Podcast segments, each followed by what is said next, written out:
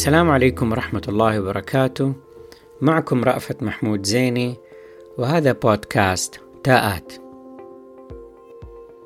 حلقة اليوم بعنوان التقنيات بين فورة التوقعات وخيبة الآمال.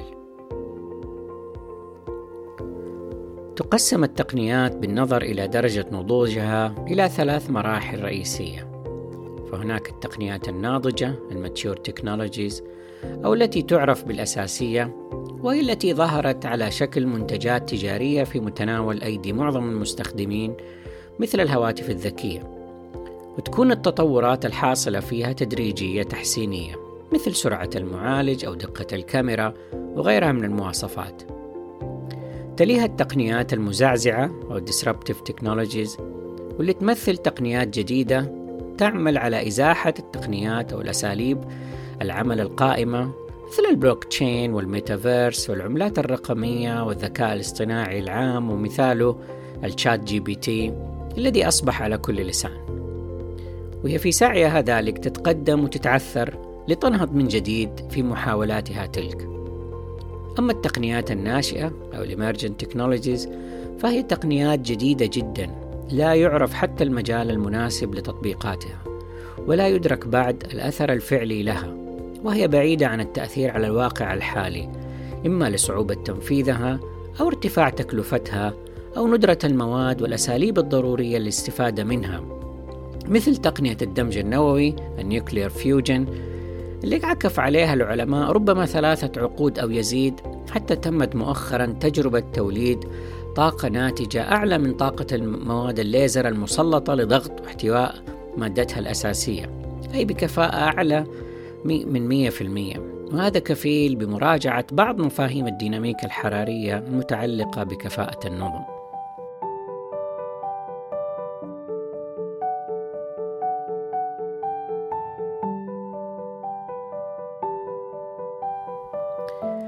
تقع هذه المراحل الثلاث على منحنى جارتنر للضجة الإعلامية المصاحبة لظهور وتطور التقنيات أو ما يعرف بال Gartner hype cycle.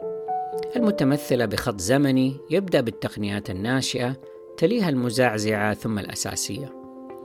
أما الضجة الإعلامية فهي تعبر عن مستوى الاهتمام بالتقنيات والتوقعات منها فترتفع بداية مع أول خبر صحفي عن نجاح تجربة معملية لتلك التقنية. فتنطلق المقالات والإخبار بل وحتى الأفلام والمسلسلات لتتكهن بأثرها وتظهر الأبحاث المغمورة عنها ويتسابق الجميع للقول بأنهم يعملون عليها مثل ما حصل عند إعلان جوجل فجأة عن تجربة الكمبيوتر الكمي في معاملها السرية الواقعة على شواطئ سانتا باربرا الساحرة وتلالها الناعسة. مع ظهور صعوبات تحويل تلك التقنيات إلى منتجات سهلة الاستخدام ومتيسرة التكلفة، يفقد كثير من المطورين حماسهم، ربما لمفاد أموالهم فتهوي التقنية ومن يدعمها في وادي اليأس وخيبة الأمل التي قد تطول حتى تلتقي فرصة التطوير مع جاهزية السوق وتقدم الصناعة أو حتى ظهور فرص مواتية وقد لا تكون إيجابية أحيانا مثل الجائحات.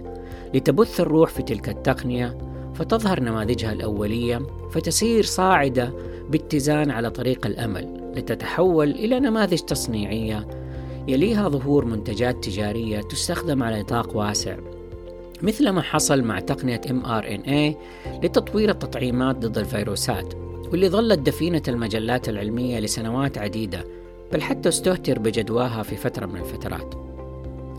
مع مرور الزمن تنضج تلك التقنيات وتصبح من المسلمات وربما ننسى أنها خلال مراحل تطوير تطبيقاتها مرت عبر مسار طويل.